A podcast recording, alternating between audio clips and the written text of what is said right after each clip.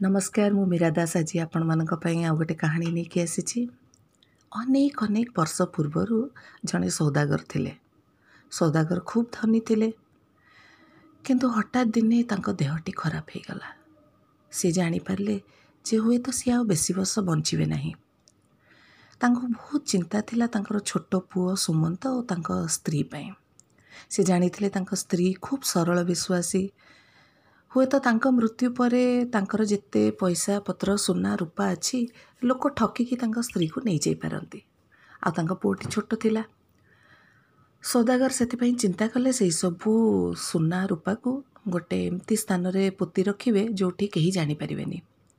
ତ ଦିନେ ପୂର୍ଣ୍ଣମୀ ରାତିରେ ଜହ୍ନ ଆଲୁଅରେ ତାଙ୍କ ଘରେ ବର୍ଷ ବର୍ଷ ଧରି କାମ କରୁଥିବା ତାଙ୍କର ବିଶ୍ୱସ୍ତ ଲୋକଟି ଆକୁଳି ତାକୁ ଧରିକି ଜଙ୍ଗଲ ଭିତରକୁ ଗଲେ।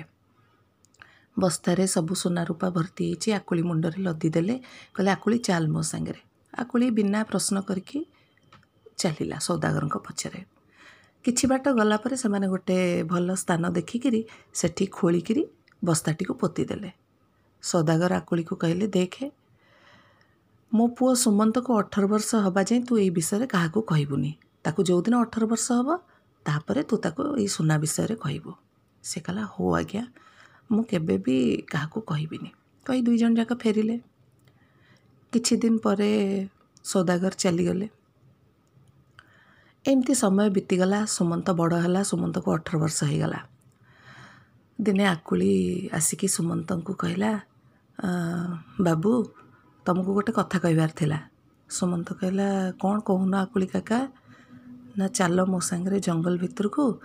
ଆଉ ବାବୁ ତୁମ ପାଇଁ ସେଇଠି କିଛି ରଖିଛନ୍ତି। ସୁମନ୍ତ ହସି କହିଲା ମୁଁ ବି ଅପେକ୍ଷା କରିଥିଲି ତୁମେ କେଉଁଦିନ ଆସି ମୋତେ ଏଇ କଥା କହିବ ଆକୁଳି ଆଶ୍ଚର୍ଯ୍ୟ ନେଲା କହିଲା ତୁମେ ଜାଣିଥିଲ? ନା ହଁ ବାପା ମରିବା ଆଗରୁ ମୋତେ ବି କହିଯାଇଥିଲେ। କିନ୍ତୁ ମୋତେ କହିଥିଲେ ତୁ ଅପେକ୍ଷା କରି ଦେଖିବୁ ଆକୁଳି କହୁଛି ନା ନାହିଁ ଯାହା ହଉ ଦୁଇ ଜଣ ମିଶିକିରି ଗୋଟେ ପୂର୍ଣ୍ଣମୀ ରାତିରେ ଜହ୍ନ ଆଲୁଅରେ ପୁଣି ଚାଲିଲେ। କିଛି ବାଟ ଜଙ୍ଗଲରେ ଗଲା ପରେ ହଠାତ୍ ଆକୁଳିର ବ୍ୟବହାରରେ ପରିବର୍ତ୍ତନ ଆସିଗଲା। ଗୋଟେ ଜାଗାରେ ପହଞ୍ଚିଲା ପରେ ଆକୁଳି ଠିଆ ହେଇକି ତା ମନ ପରିବର୍ତ୍ତନ ହେଇଗଲା। ଏତେ ବଡ଼ ବଡ଼ ଆଖି କରିକି କଡ଼ା ନଜରରେ ସୁମନ୍ତକୁ ଅନେଇକି କଲା କ'ଣ ହେଉଛି ଏଗୁଡ଼ା? ମୋ ପଛେ ପଛେ କାହିଁ ଆସୁଛ କ'ଣ ପାଇଁ ଆସୁଛ ଆଉ କିଛି କାମଧନ୍ଦା ନାହିଁ? ଯାଅ ଘରକୁ ଯାଅ ଫେରିକି ଯାଅ। ସୁମନ୍ତ ଆଶ୍ଚର୍ଯ୍ୟ ଆକୁଳି କାକା ଏମିତି କ'ଣ କଥାବାର୍ତ୍ତା କରୁଛନ୍ତି ହେଲେ ବି ଆଉ କିଛି କହିଲାନି ଚୁପଚାପ ସେଇଠୁ ଫେରି ଆସିଲା। ତାପରେ ପୁଣି ଆକୁଳି ଯାହାକୁ ସା ପୁଣି ମାସେ ଅପେକ୍ଷା କଲେ ନେକ୍ସଟ ପୂର୍ଣ୍ଣମୀରେ ପୁଣି ଥରେ ଗଲେ। ପୁଣି ଥରେ ଆକୁଳି ସେଇ ସ୍ଥାନରେ ପହଞ୍ଚିବା ପରେ ଆଉ ଥରେ ସେମିତି ତା'ର ବ୍ୟବହାରରେ ପରିବର୍ତ୍ତନ ହେଇଯାଉଥାଏ। ଖାଲି ରାଗି ଯାଉଥାଏ ଏପଟ ସେପଟ କଥାବାର୍ତ୍ତା କରୁଥାଏ। ସୁମନ୍ତ ବିଚାରା ବହୁତ ବ୍ୟସ୍ତ ହେଇଗଲା। ଏହିପରି ତିନି ଚାରି ପୂର୍ଣ୍ଣମୀ ଗଲା। ସୁମନ୍ତ କିଛି ଆଉ ବୁଝିପାରିଲାନି। କ'ଣ କରିବ? ଆକୁଳି ଚାଚା ଏମିତି କାହିଁ ହେଉଛନ୍ତି? ମୋତେ ଏମିତି କଥାବାର୍ତ୍ତା କରୁଛନ୍ତି ଡରଉଛନ୍ତି ଠିକ୍ ଜାଗାଟା କହୁନାହାନ୍ତି। ମୁଁ ଏବେ କ'ଣ କରିବି? ଜଣେ ପାଖ ଗାଁରେ ଜଣେ ସାଧୁ ଆସିଥାନ୍ତି ସମସ୍ତେ ତାଙ୍କ ପାଖକୁ ଯାଉଥାନ୍ତି। ସୁମନ୍ତ ବହୁତ ବ୍ୟସ୍ତ ବିବ୍ରତ ହେଇ ତାଙ୍କ ପାଖକୁ ଗଲା। ପ୍ରଣାମ କଲା ସାଧୁ ପଚାରିଲେ କ'ଣ ହେଇଛି ବାବା? ନା ମୋର ଏମିତି ଏମିତି ସମସ୍ୟା ହେଇଛି। ମୋ ବାପା ଯେଉଁଠି ସୁନା ରଖିଥିଲେ ଆଉ ଆକୁଳି କାକା ଏତେ ଭଲ କିନ୍ତୁ ଏମିତି କାହିଁ ବ୍ୟବହାର କରୁଛନ୍ତି? ସାଧୁ ଟିକେ ହସିଲେ ଆଉ କହିଲେ ଏଥର ଗୋଟେ କାମ କର ଯେଉଁ ଜାଗାରେ ଆକୁଳି ଯାଇକି ତୁମକୁ ଏମିତି ତା'ର ବ୍ୟବହାର ପରିବର୍ତ୍ତନ ହେଇଯାଉଛି ତୁମେ ଠିକ୍ ସେଇ ଜାଗାଟିକୁ ଯାଇକି ଖୋଳିକି ଦେଖ। ସୁମନ୍ତ ତାଙ୍କ କଥା ମାନି ଯାଇ ଗଲା। ଠିକ୍ ସେଇ ଜାଗାରେ ଖୋଳିଲା ବେଳକୁ ପୁରା ସେଇ ସୁନା ରୂପା ବସ୍ତାଟି ପାଇଲା। ଆକୁଳି ଚୁପଚାପ ତାକୁ ମୁଣ୍ଡରେ ଲଦିକିରି ଘରକୁ ଫେରିଲା।